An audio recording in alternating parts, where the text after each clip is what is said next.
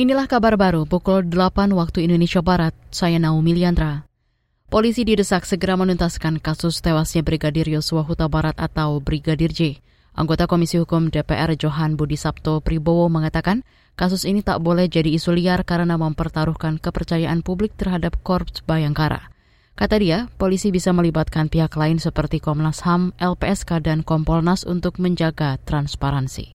Kita hanya bisa berharap bahwa kasus ini segera tuntas dan masuk ke proses pengadilan sehingga bisa terbuka kepada publik sebenarnya apa yang terjadi.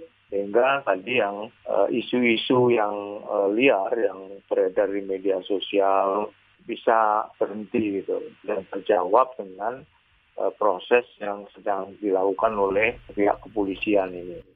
Anggota Komisi Hukum DPR Johan Budi Sabto Pribowo menilai Polri menunjukkan keseriusan dalam mengungkap kasus tewasnya Brigadir J.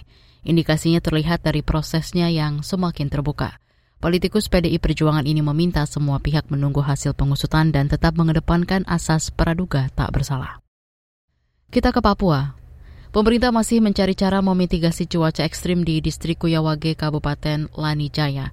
Wilayah itu dilanda hujan es yang menyebabkan gagal panen dan berujung pada bencana kelaparan. Sudah empat warga meninggal dunia diduga akibat bencana tersebut. Berikut pernyataan pelaksana tugas Kepala Pusat Data Informasi dan Kebencanaan Badan Nasional Penanggulangan Bencana BNPB, Abdul Muhari. Karena ini kekeringan klimatologis sehingga harus kita pikirkan bagaimana mengatasi kekeringan ini secara uh, sistemik tidak hanya dalam jangka panjang tentunya tetapi juga dalam jangka pendek apakah bisa dengan modifikasi cuaca dan lain-lain. Pemkap Jaya sudah menetapkan status tanggap darurat bencana hujan es di Kuyawage yang berlaku sejak 25 Juli hingga 25 Oktober 2022. Sebanyak 500-an keluarga yang meliputi 2.700-an jiwa terdampak bencana ini. Bantuan pangan dari pusat maupun daerah terus mengalir, demikian juga dengan tim medis yang sudah diterjunkan ke sana untuk membantu warga.